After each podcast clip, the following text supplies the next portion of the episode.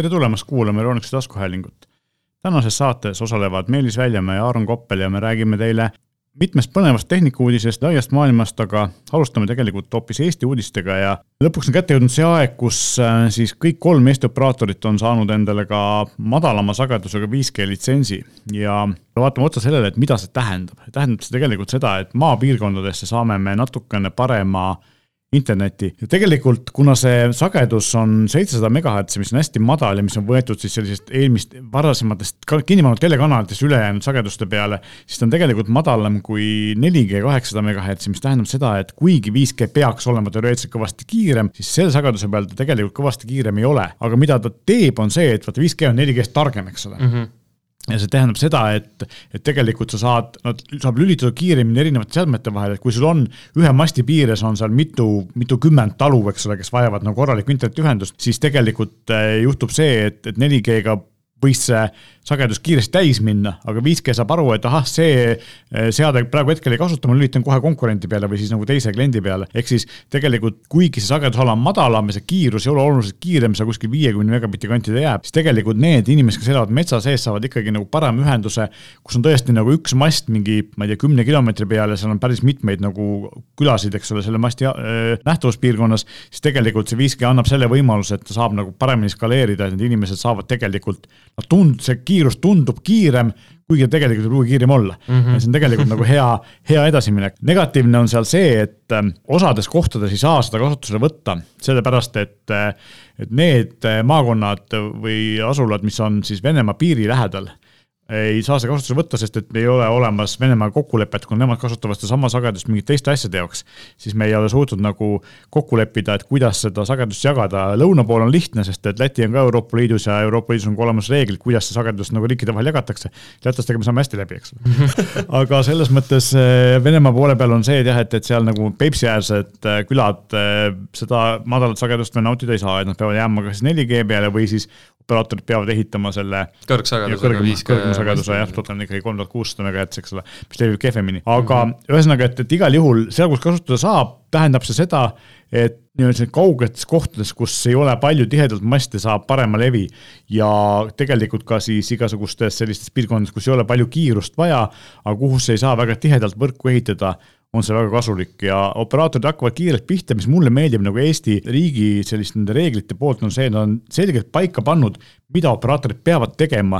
Ja selle litsentsi üheks tingimuseks on siis see, et äh, kahe aastaga peavad nad välja ehitama, kui ma mälu mind vetas, viiskümmend protsenti riigi katvusest ja nelja aastaga peavad nad katma üheksakümmend viis protsenti siis sellest eh, noh, Eesti riigist välja arvatud need maakonnad, kus seda, nagu ma just rääkisin, kasutada ei saa, eks ole. ehk siis kindlad reeglid on paigas ja kui seda ära ei tehta, siis äh, läheb asi karmiks aga et noh, selles mõttes on nagu mõistlik ja, ja kui me räägime sellest, kui me räägime reeglitest, siis mulle jäi silma just hiljuti, et eh, minu teada esimest korda ajaloos Lõuna-Korea võttis ära oma operaatoritelt selle kõige kõrgema sageduseks kahekümne kaheksa gigahertsi 5G litsentsi, mis anti neli aastat tagasi välja ja põhjuseks oli see, et operaatorid lihtsalt ei viitsinud piisavalt palju investeerida ja riik arvas, et noh, kui me teile sageduse andsime, siis kasutage seda ja andke inimestele teenust, on ju. ja kui operaatorid istuvad seal sageduse otsas, aga, aga inimestele teenust ei paku piisavalt kvaliteetset, siis äh, riik otsustas, et noh, järelikult teil ei ole seda vaja, eks ole, et, et võtame ära teilt see sagedus. eks vaatame, mis sellest pullist saab, aga vähemalt nagu keegi selles mõttes tegutseb, eks, et et äh, ei ole enam sellist asja, et nüüd on, äh, et operaator saab sageduse, midagi sellega ei tee, me neti paremaks ei saa, eks ole mm, -hmm. ja mitte midagi ei toimu ja keegi teine seda kasutada ei saa, et praegu on see, et et võib-olla saavad mingi konkurendid omale selle sageduse ja saavad ehitada oma võrgu, eks ole, et. tead, Lõuna-Korea puhul jah, see on nagu väga huvitav nähtus, et tegelikult, kui me mõtleme selle peale, lähme vaatame kas või tuhat üheksasaja viiekümnendaid, siis kuidas Lõuna-Korea riik dikteeris nendele shape'itele mm -hmm. korporatsioonidele, mis nad peavad tegema, vaata mm. -hmm. et äh, nüüd nad nagu tulid vahele, ütlesid, et jõu, te ei teinud enda tööd ära. keegi teine saab selle. just, ja noh, seal on ka see, et tegelikult nagu sa ütlesid, need shape'id, eks ole, et siis neil on ju seal Samsungid, LG-d, Huawei'd mm, -hmm. mitte Huawei'd, Hyundai'd Hyundai, ja et need on ju tegelikult sellised tohutult suured ja, ja ikkagi noh, meil ei ole siin selliseid asju, et, et üks selline konglomeraat on nii suur, kes on mm -hmm. nagu igasugustes äh, tööstusharudes sees, et siin meie mõtleme, et oh, et näe, Samsung teeb telefone ja telekaid, eks ole mm, -hmm. aga mhm. tegelikult teevad laevu ja elektrijaamu ja, ja ma ei tea, pilvelõhkujaid, eks ole, et ja Hyundai samamoodi, et Hyundai ei tee ainult autosid, ekskavaatoreid mm, -hmm. vaid ta ehitab ka laevu ja tanke ja, ja igasuguseid muid asju, et nad on tegelikult nagu väga suured. maailma suurim terasetootja ikka. Et selles mõttes nad on nagu nii suured ja nii laiali ja kõigil neil veel oma pangad ja oma ülikoolid mm -hmm. ja Mhm, täpselt. et kui meil on, noh, vaata see võib-olla lahendab veidi seda probleemi, et kuidas nad on saanud nii äh, edukaks, ongi see, et kui meie siin peame, põhimõtteliselt riik peab, eks ole, siis äh, õpetama õpilasi ja siis need lähevad välismaale ära, eks ole, siis, siis seal on nagu see, et, et üli, neil oma ülikoolid maksavad ise stipendiume ja kasutavad mm, -hmm. valivad välja kõige atekamad inimesed ja mm -hmm. Koolitavad nad välja ja, ja selles mõttes nagu väga, väga korralikult koolitavad välja, eks ole mm, -hmm. et see süsteem töötab neil ülihästi, et kui õiglane see on, see on teine küsimus, aga, aga iseenesest on näha, et nad on edukad selles, eks mm, -hmm. et, et väga huvitav, teistmoodi töötab see majandus neil seal ja. kui me Koreast räägime, siis, siis äh, räägime korra LG-st, et äh, LG tegi äh, venitatava ekraani, et noh, LG on teinud nagu igasuguseid huvitavaid ekraane läbi aegade, et noh, Oled on ju neil ikkagi nad olid esimesed, kes Oledi tegi aastaid, nad tegid mm -hmm. seda, et keegi teine sinna ligi ei saanud, eks ole mm. -hmm. nüüd, nüüd siis on Samsung ka konkurendiks tulnud ja muidugi noh, telefonide ekraanidele teeb Samsung kogu aeg Olediga just no telerite suuremaid ekraane suuda teha, aga noh, kui ma vaatasin seda venitatava ekraani videot, siis ma mõtlesin, et tegelikult on päris pikk maa on või tegelikult kunagi või võib juhtuda, et kunagi ei juhtugi seda, et kui me jõuame sellest hetkest, kus need ekraanid meile näidatakse ja kus nad tegelikult jõuavad nagu tootmisesse, sest näiteks neid samu volditavaid ekraane me oleme näinud paarkümmend aastat, eks ole, noh, praegu Samsungil on nad telefonides olemas, aga nad on ikkagi sellised, et, et noh, nad on natukene õrnad, eks ole. ja, ja see koht, vaata, mis actually venib, vaata just. see nagu, sa näed, et see on nagu just. see liigub. et äh, mina mäletan seda, kui, kui näidati siin äh, näiteks selliseid prototüüpe, Philips näitas kunagi aknaid, mida sai siis puldist panna äh, täiesti läbipaistvaks või siis tummiks ja sinna peale siis nagu põhimõtteliselt aknast said teha ekraani, eks ole, et minu arust nagu väga äge lahendus, aga nagu praktikas mina ei tea, et neid keegi toodaks, eks ole. ja, ja samamoodi on kunagi keegi, mingi Oledi tootja näitas äh, siis nii-öelda värvitavaid piksleid, eks sa põhimõtteliselt segad see Oledi nagu värvisegu, et lased selle rulliga seina peale, sul ongi ekraan, paned alla klemmid külge ja töötab, eks ole, noh. ma ei tea, kas seda ka kunagi päriselt nagu meie silmad seda näevad või mitte, aga selles mõttes, et nagu mu jutu mõte on see, et, et me näeme nagu sellist huvitavat innovatsiooni ja siis tegelikult sellega ei tehta mitte midagi. Või siis, või siis läheb väga kaua aega, kuni see lõpuks massidesse jõuab, praegu ongi see aeg, et me nägime juba kümme-viisteist aastat tagasi neid volitavaid ekraane. nüüd on meil paar-kolm aastat tagasi, paar-kolm aastat on olnud need volitavad ekraanid telefonides, mingil hetkel jõuab see sinna, kus nad on piisavalt head, kus nad on äh, piisavalt odavad. Mm, ehk siis hakkab see plahvatuslikult arenema, eks ole, aga seda hetke me veel ei ole näinud, eks. noh, ilmselt kui see hetk kätte jõuab, siis äh, tuleb välja volitava ekraaniga iPhone ja siis nagu ülejäänud ajalugu, eks ole.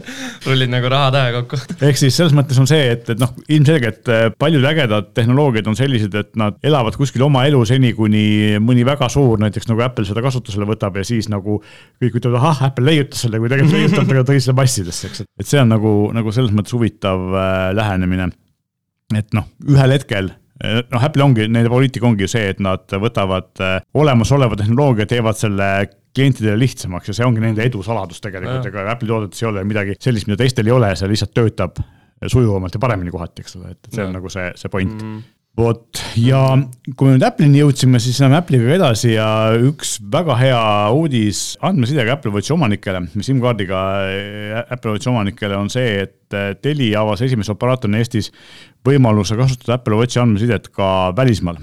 ehk siis on olemas hunnik riike, kus saab seda kasutada nüüd, kui sul on siis telefonis e-SIM ja, ja see on aktiveeritud ja see on võetud Telia see dual SIM-i teenus, multiSIM-i teenus et noh, siin lähiriikides, Lätis, Leedus, Soomes, Rootsis, Taanis, Norras, samuti USA-s ja Kanadas ja Kreekas ja tulevikus see ka laieneb, et, et kui sa lähed siia lähiriikidest ja sa tahad minna välja niimoodi, et sa telefoni kaasa ei võta, siis sa saad ka seal tele-, kellega rääkida või, või siis äh, äppe kasutada, eks ole, et tegelikult päris äge ja minu arust see on nagu kummaline, et siiamaani ei töötanud, aga mina olen nagu aru saanud, see ongi Apple'i poolne piirang, et nad ei ole seda varem nagu lubanud teha, siis mm. nüüd on midagi tehtud ja, ja Telia oli esimene, kes siis Eestis operaatoritest selle, kuna noh, Telia on suur Apple'i partner mm., et kes siis äh, selle tööle sai minu arust väga selline huvitav lahendus. jaa, minu arust nagu üks niisugune väike, aga märkimisväärne samm nagu selle suunas, et äkki tulevikus ongi telefon kaob ära, ongi lihtsalt kell. jah, vaata, see põhiline kella häda on see, et äh, ekraan on väike, eks ole. aa, seda küll, jah aga noh, võib-olla tuleb mingi projektor kuskil andme peal nagu ulmefilmides. sest tegelikult ju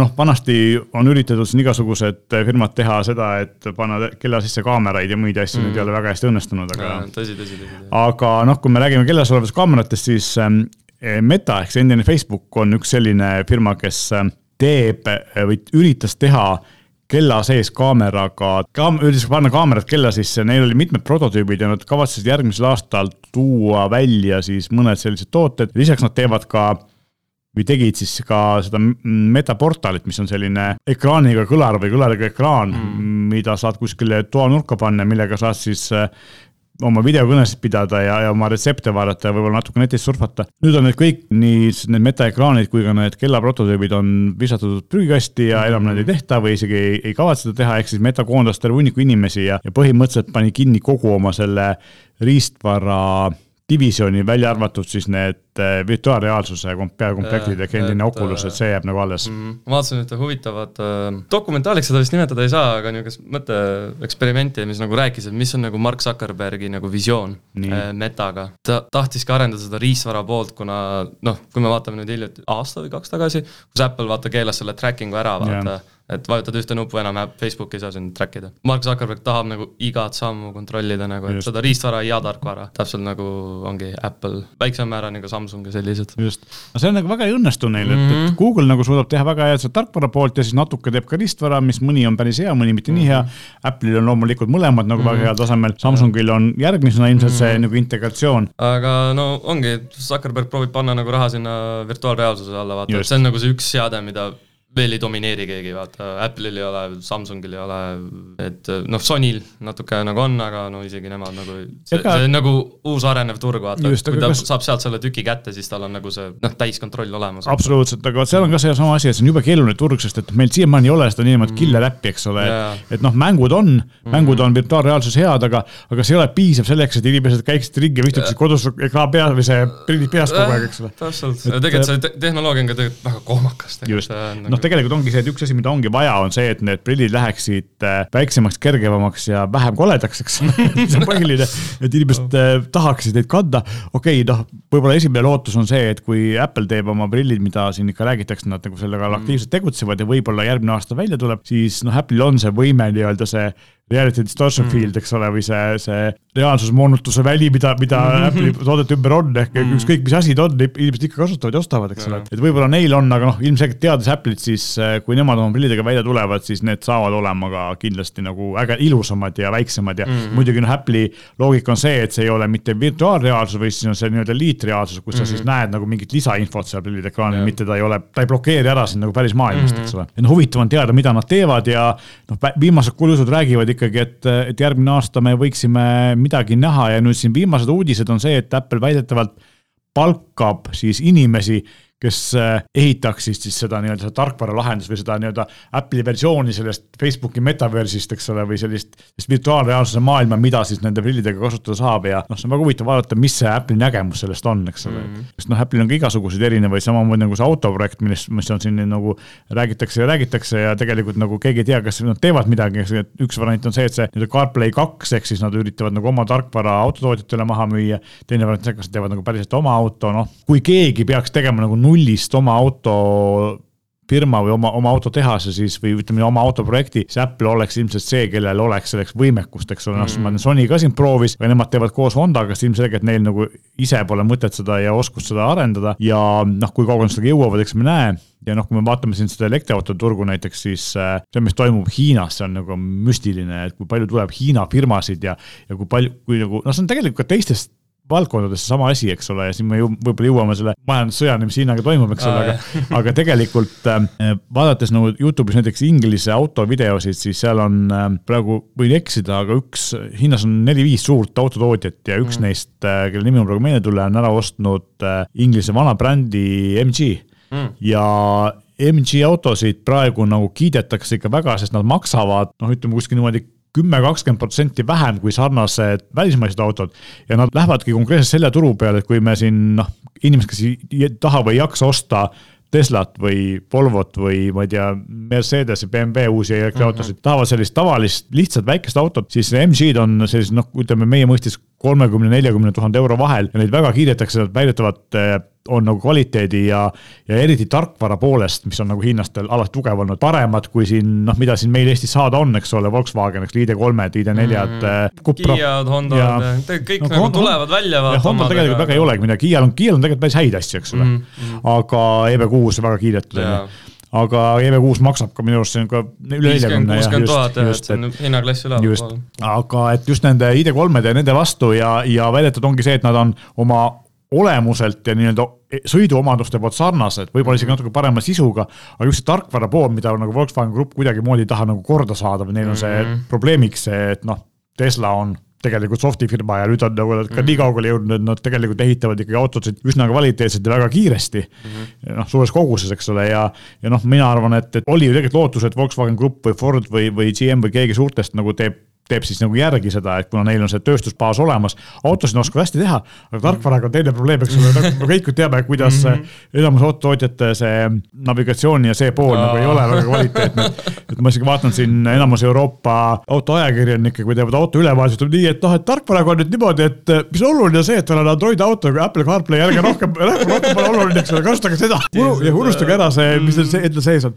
eks tegelikult on autotootjate jaoks probleem, eks ole. ja nüüd, kus hiinlased tulevad ja hiinlased nagu tegelikult ka see, et neil on, kuna on niisugune kommunistlik riik, siis neil on nagu reegel on see, et kui mingisugune välismaine firma tahab minna sinna oma tehast ehitama, oma asju müüma, siis mm. nad peavad tegema Hiina firmaga koos nagu ühisfirma nii-öelda, et, et oleks need mm, -hmm. need Hiina reeglid täidetud ja sellepärast on seal kõik Toyotad ja, ja Volkswagenid ja kõik on mingisuguse ühisfirmana. ja siis äh, need Hiina kohalikud tootjad saavad seda neid teadmisi ära kasutada ja vastupidi, tulla siis nagu oma toodetega Euroopasse tagasi teades, mida eurooplased tahavad, eks, mida nad teha oskavad. et see on nagu tegelikult väga kaval äh, lüke ja siin ongi küsimus, et kas, kas me, me tahame kasutada Hiina autot, millel on Hiina tarkvara, teades, et ta on võib-olla väga hea, aga samas äkki ta kuidagi jälgib meid, eks ole. Et see on äh, nagu küsimuse koht, aga jah, et, et nad tulevad ikkagi, nad su suudavad praegu hetkel hinnaga lüüa ja, ja kui esimesed Hiina autod ei olnud nagu eriti kvaliteetsed just sellepärast, et nad ei osanud nagu väga hästi võib-olla autosid teha, seda just seda nagu raua poolt mm, -hmm. siis praeguseks on nad ka seal nagu just koostöös, tänu, tänu koostööle nende äh, Lääne-Euroopa ja USA firmadega, läinud, Jaapani firmadega läinud nagu hästi edukaks muutunud ja Hiinas on ikkagi see, et ähm, et seal on konkreetselt nagu elektriauto ongi võitnud sellest, et -hmm. on mhm. umbes nagu Norra turg, et, et mhm. kui sa tahad nagu bensiiniautot müüa, siis mitte keegi seda ei osta, eks ole, kõik tahavad elektriautot osta. meie, meil ei ole veel seda seda nagu klõpsu ära käinud, eks ole mm, -hmm. sest me ei ole veel, ühiskond ei ole valmis, noh, tegelikult hinnad on ka päris kallid, eks ole. eile ma just vaatasin, et olid siin viimased mingid Eesti automüügi numbrid, kus oli see, et sel aastal natuke alla nelja protsendi kõigist müüdud uutest autost on elektriautod, eelmine aasta oli ta kaks koma viis, nii et noh, ta vaikselt tõuseb mm, -hmm. aga ta ei tõuse nagu nii kiiresti, kui ta siin mõnes muus riikides, aga noh, eks me näe, et, et tegelikult ikkagi siin see point on ju selles, et kui autotootjad saaks oma tarkvara paika ja muidugi teine asi on nüüd selles, mis, mida ka tegelikult Hiina firmad veavad ja siis noh, ka meil siin meie Skeleton, eks ole, kes teeb neid superkondensaatoreid, Eesti firma, eks ole, ja siis Skeleton Technologies ja, ja mõned teised, kes siin nagu üritavad neid akutehnoloogiaid äh, arendada.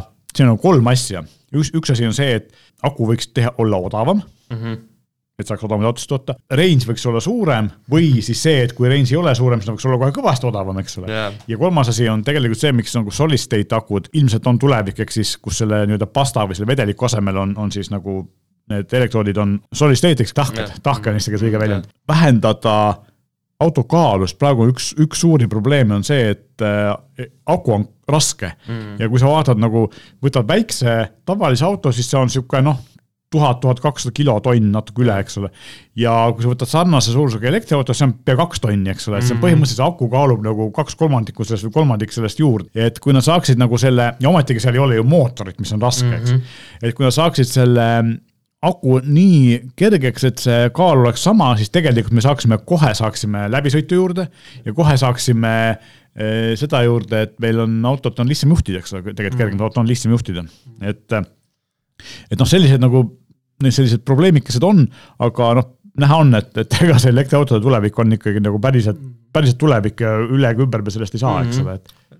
ja et äh, ma arvan ka, et elektriautod on tulevik ja seal on äh, kindlasti nagu selline kompromisside tegemine, ma arvan, vähemalt praegu siin lähiajal. no lähiajal on see, et ega me sellist läbimurdulist akutehnoloogiat tegelikult ja, ei näe, kõik üritavad ja ühel mm -hmm. hetkel see ka juhtub mm, -hmm. aga kaua see aega võtab, et noh, mina jätkuvalt nagu mulle tundub nii, et me oleme sellest umbes sellise äh, klassikalise ühe auto vahetustsükli kaugus läks umbes mm. viis aastat või see liisinguperiood, eks ole, mis tavaliselt on mm.. et umbes viie, noh, kaks tuhat kolmkümmend viis on ju kohustuslik, nüüd Euroopa Liit võttis seaduse vastu, et eh, tuleb elektriautosid kasu-, eh, tulebki, tohibki toota ainult elektriautosid. et võib-olla noh, selleks kuskil kaks tuhat kolmekümneks siin arvavad osad eksperdid, et on see aeg, kus, eh, kus tegelikult nagu enamus ostavad autost on juba elektriautod nagu niimoodi loomulikult, sest et, et nende hinnad kukuvad, nende efektiivsus tõuseb, eks ole, ja kui me selle laadimissüsteemi ka paremaks mhm. saame, et meil nagu neid piisavalt on igal pool, siis ma eile just mõtlesin selle peale, et noh, palju mina sõidan, ma sõidan hästi vähe ja palju mul siin tutvusringkonnas sõidetakse nagu noh, ilmselt sina samamoodi, et noh, sa oled kodus tööl, eks ole, noh kümme kilti, kakskümmend kilti, noh, ma ei tea mm, -hmm. mitte rohkem päevas, on ju. ja siis ongi see, et, et noh, et me mõtleme, no oi jah, et, et kuidas me seda laeme ja see võib-olla seal nelisada, kolmsada kilti parematel autodel ja siis tegelikult äh, kiirteel vähem, eks ole, siis tegelikult ongi ju mhm. see, et, et kui me laeme ja see ongi see, et kas ma jõuan, kui mul ka naabrid tahavad laadida, mul on kortermaja mm, -hmm. siis kas tegelikult kõigi jaoks elektrit jätkub ja kas kõik saavad öö jooksul täis laaditud oma aegselt laadida, kas tegelikult ongi see, et kui sa võtad laadijast auto hommikul sõidad sellega kümme kilomeetrit, käid korra mm. poes, käid korra tööl kuskil võib-olla mm. kakskümmend, siis tegelikult äh, kulutad ära sellest äh, aku mahust kümme protsenti ja siis sa virutad selle kümme protsenti isegi selle aeglase koduse laadijaga tunni aega täis ja ülejäänud ajast saavad naabrid laadida, eks ole, tegelikult see ei ole probleem, probleemiks muutub ainult siis, kui sa lähed kuskile kaugele ja siis on juba see, et sul peavad olema piisavalt efektiivsed kiirlaadijad, neid peab olema piisavalt palju mm, -hmm. sellega tegelikult tegeletakse. ja, ja siis ongi see, et ma siin Indrekuga rääkisin, et tegelikult siin ongi see point, et meie auto kasutamise loogika natuke muutub, et kui praegu on see, et me viskame sinna paaki kuussada kilomeetrit bensu sisse, eks ole mm, -hmm. sõidame sellega ühe jutiga Tartusse tagasi, käime vahepeal bensukas WC-s ja, ja ostame endale kohvi, eks ole, siis tegelikult ongi see, et kuna tegelikult soovitatakse, et iga paari tunni tagant peaks tegema peatuse, et silmad mhm. puhkaksid ja siis tegelikult ongi see, see paar tundi Lähedki, võtad selle oma kohvi, võib-olla käid WC-s ära või ma ei tea, seal äh, lihtsalt sirutad jalgu ja mm. paned ta sinna laadija külge kiirlaadijasse, viskad selle viie kuni kümne minutiga sinna sada kilomeetrit sisse, tegelikult rohkem ei olegi vaja, järgmise kahe tunni pärast saad sa viis minutit puhata ja jälle viis, sada kilomeetrit sisse visata, et, et tegelikult selle meie kasutusharjumused muutuvad natuke teistsuguseks, võib-olla isegi paremaks, eks ole mm. -hmm. et me ei sõida tuhat kilomeetrit järjest, mis tegelikult ei ole hea, sest et selg väsib ära, silmad väsivad ära, sa hakkad äh, muutuma teistele ohtlikuks iseendale, eks ole, seal tee peal mm.. et noh, et see, et sa ühe otsaga ikkagi Varssavisse välja sõidad mm., see võib-olla ei ole väga tervisele kasulik jaa, ja ma tegelikult tean, et vaata see akudega teema on ka see, et ma tean, et Eesti Energia arendab seda funktsionaalsust ütleme, et kasutadagi elektriautosid nagu patareidena. ja no siin on nii palju võimalusi, et kuidas me saame nagu areneda ja, ja mis muutusi me peame ka tegema, et nagu ma elektriautod on nagu noh, päikse kätte ei tohi neid jätta. kuumaks ei tohi minna, vaata siis kohe Just. läheb ja noh, lisaks see, et meie, meie probleem siin Eestis vaadates aknast välja praegu on see, et ka külmakätt ei ole hea jätta. külmakätte ka ei ole hea jätta, et Kül, külma ilmaga, noh muidugi enamusel on tänapäeval olemas soojuspumbad ja värgid, mis hoiavad akut soojana, sest aku peaks mm. olema optimaalse temperatuuri peal, eks aga küll ka sellega tegeletakse, tegelikult siin on ka see, et need solid state akud ei ole nii tundlikud selle suhtes. aga eile ma nägin huvitavat ähm, artiklit, kus äh, üks äh, USA firma ja neid on tegelikult veel, arendab siis, kui meil on siin praegu, et enamus uusi maju on, eks ole, päiksepaneelid pannakse katusele, noh, kui palju meil siin päikest on, eks ole mm, aga nüüd on uus trend on see, et pannakse katusele, suurematele kortermajadele sellised väiksed tuulegeneraatorid. väiksed topsikud, noh need on päris väiksed ei ole, nad on paar meetrit pikad ja neid saab ühele katusele panna mitu tükki ja tegelikult tuult on ju alati siis, kui päikest ei ole ka öösel, eks ole, et mm. ja nad ei tee väga palju müra ja tegelikult sealt saab keskmine sinna korterelamu enamus oma elektrit kätte. nii et, et ja kui sul on vaja oma elektriautosid laadida või kus on nagu tegelikult tulevikus on see elektritarbimine võib-olla natuke suurem, kuigi ta on tohutult palju suurem, sest keskmine pere kulutab ikkagi pliidi ja, ja elektriradika peale rohkem, kui, kui auto võtab, eks et see, kuigi meile tundub, et see auto laadimine läheb nagu väga karmiks, see on lihtsalt see, et, et need vooluvõimsused on väga suured, aga ega tegelikult üldine tarbimine tohutult suur ei ole, siis äh, ongi see, et, et tuul katusel on tulevik Mm. lisaks, lisaks sellele, et päikekatused tuleb ikka, nad teevad ka selliseid hübriidlahendusi mm, -hmm. kus siis on niimoodi, et on äh, keskel on päiksepaneelid ja siis äärtes on need tuulegeneraatorid mm, -hmm. päike, päiksepaneel on tavaliselt ju kallutatud sinnapoole, kus päike paistab ja selle mm -hmm. taha saab ilusti panna tuulegeneraatorid, eks ole, et mm. -hmm. et, et tegelikult nagu väga huvitavad lahendused, et äh, ikkagi noh, sellised, see tulevik, kus me ei pea võib-olla varsti enam tüütama Eesti Energiat või mõnda muud suurt energiapakkujat, võib-olla on ikka varsti käes, eks ole. miks mitte mm. -hmm, yeah. Võib-olla siis äh, räägime, kui me siin rääkisime USA-st ja ja räägime USA-st natuke edasi, et mm. paar huvitavat uudist on, üks on see, et äh, internetist rääkisime siin enne meie 5G-st ja sellest siis, äh, meil ei ole nagu seda probleemi, mis on nagu paljudes teistes riikides, et Eesti operaatorid on selle poolest tublid, et kui nad eriti nagu kaabliga, aga tegelikult ka mobiilse andmesidega, et kui nad lubavad mingit kiirust, siis nad reeglina seda kiirust ka suudavad pakkuda, okei okay,, et loomulikult mobiilse andmesidega nagu, kui on väga palju kasutajaid taga, siis nad nagu alati ei suuda nagu pakkuda mingit maksimaalset või väga suurt kiirust, aga tegelikult meie kiirused on okeid ja eriti nagu kaabelinternetil on meil ikkagi või optikal on see, et kui mul ikka sada megabitti lubatakse, ma sada megabitti ka saan, eks ole, ja üles samamoodi. aga mujal riikides on see nagu probleemiks ja ma isegi siin Inglise telekanalites olen näinud BT, sa tead, eks suur Inglise operaator, endine British Telecom, nemad eh, teevad sellist reklaami teles, et, eh, et meie oleme ainuke operaator, kellel on kaks modemit, et kui sul on, meil on nagu see tavaline kaablimodem, siis meil on ka 4G modem, et kui sul see kaablimodem võrgust maha kukub, siis 4G-ga on ikka net olemas. mina ei mäleta, millal ma olen olnud Telia klient, ma olen olnud Elisa klient, ma olen olnud STV klient läbi aegade mina ei mäleta, mul oleks olnud nagu katkestusi eriti, vahest harva on, aga, aga sa isegi märka seda, korraks läheb ära ja et, et, et, et, et nagu, aga neil oli katkestusi mm -hmm. nii palju et lihtsalt nad peavad nagu tegema, et, et meie oleme äge operaator, meil on nagu back-up olemas, eks ole, meil poleks nagu, ükski operaator julgeks ka öelda, et meie, meie ühendus on nii kehv, et meil on back-up'i vaja, eks. aga, ja nüüd ongi USA-s on siis tehtud see, et, et uuest aastast ilmselt või mingil hetkel peavad kõik äh, netioperaatorid näitama oma veebilehel pakkumiste juures sellist äh, quality label'it või sellist äh, silti, nagu meil on see energiasilt, kus on meil on see palju külmkapp energiat tarbib ja, ja palju, kui suur ta on ja, ja nii edasi.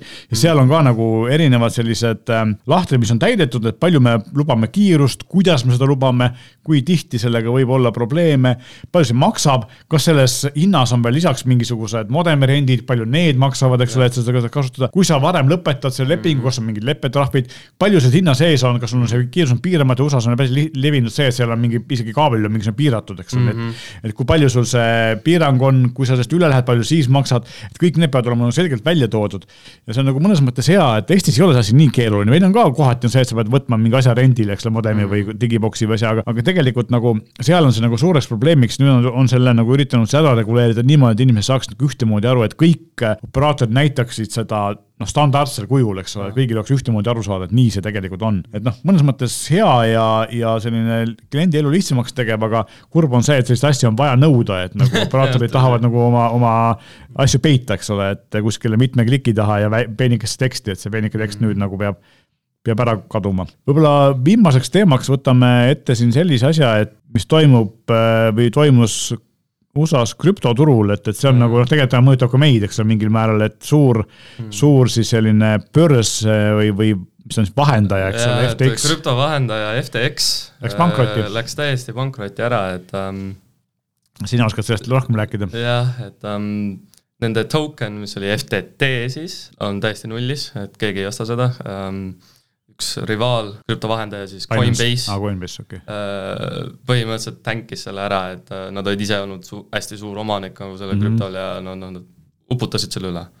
et äh, seal oli nagu korralik skandaal taga, kuna tegelikult hästi palju pensionifondid in,, investeerimiskontod ja asjad olid vaata palju raha sinna pannud, et nüüd on need kõik see on nagu selles mõttes kummaline, et ma ei kujuta ette, kas Eestis oleks mõnda äh, endast lugupeetud pensionifondi, kes julgeks investeerida krüptosse, ka seal võib tulla seal suur tulu mm, -hmm. aga samas on see, et see on nii, nii volatiilne, nii, nii ohtlik, eks ole, et, et sa ei saa nagu, nagu selliste inimeste nagu selliste, kuidas ma siis ütlen, haavatavate inimeste nagu eluga riskida, eks ole, et see, see meil ei oleks ilmselt aktsepteeritav selline asi. et ma arvan jah, et Euroopas seda nagu niimoodi ei riskitaks, no meil, meil on ka niisugune, kuidas ütleme, niisugune natuke niisugune vana raha kontinent ka, et nagu, et me olemegi ettevaatlikumad. noh, tegelikult on see, et, et krüptol on nagu tegelikult hästi palju selliseid huvitavaid äh, võimalusi mm, -hmm. aga samas on ka see, et see on nagu nii metsik lääs praegu, eks ja. ole, et ega seal tegelikult äh, noh, see on, riskid on väga suured, eks ja, ole. täpselt, seal, seal ei ole mitte mingit standardisatsiooni, seal et äh, see on tõesti, et um, paberi väärtus tegelikult nagu see reaalne kasu tegelikult, mis selle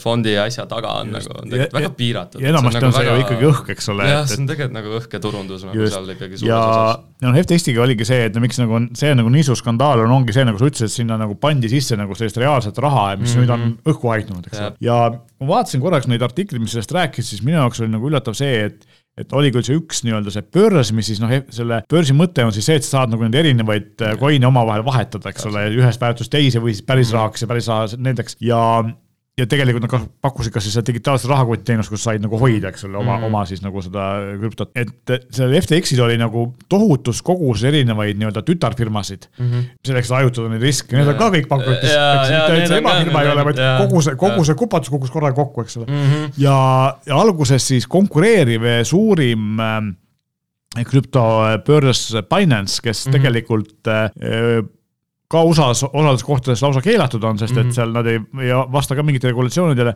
ütles, et okei okay,, et me ostame ära FTX-i varad. ja siis päev hiljem ütles, ei, me tegelikult ikka ei osta, sest nad vaatasid, said ligipääsu, et raamatupidamist tuli välja, seal ei olegi midagi, mida osta.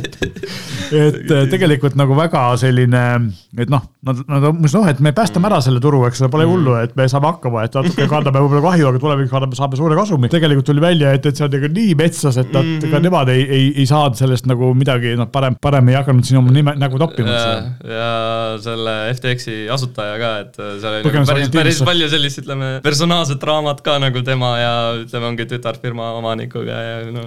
no loomulikult, kui sa ikka nagu, nagu ja, ja, ja muidugi nüüd siis nendest. inimsuhted nagu et pankrotihaldur, kes seal äh, siis nüüd palgati, kes kunagi äh, tegeles ka Enroni, selle naftafirma pankrotiga, äh, ütles, et noh, tema pole sellist asja näinud, et nagu nii, et raamatupidamist põhimõtteliselt ei eksisteeri, eks ole, kui sa oled nagu finantsfirma, kellel pole nagu normaalset raamatupidamist, siis ja. ja see ongi, see tulenebki sellest, et ei kontrollita, eks ole, et, et mhm. tegelikult noh, meil, okei okay,, meil on ka see, et, et Eestis nagu neid krüpto startup'e on päris palju, aga meil on vähemalt nagu mingi riiklik kontroll on seal peal ja selle üle nad aeg-ajalt isegi jonnivad, meil on seda liiga palju, aga mm., aga noh, eks me näe, et, et tegelikult mingi kontroll siis peaks olema, eriti kui selline kui sa oled nagu investor ja kui sa oled nagu tead sellest nagu une pealt ja sul on mingisugune vaba raha, millega saad -hmm. riskida, siis on sinu enda otsus, eks ole mm. -hmm. kui sa oled nagu selline taksojuht või poemüüja ja sa üritad nagu mingit, oh, et see on hea teenimisvõimalus, seal peavad olema nagu mingid kontrollid, et sa, et sellised tavalised inimesed ei saaks nagu oma rahaga niimoodi riskida, eriti kui see on nende et pangas need pensionite mänedžerid ei saaks just. nagu noh, riskida nagu just. teiste inimeste rahadega. täpselt,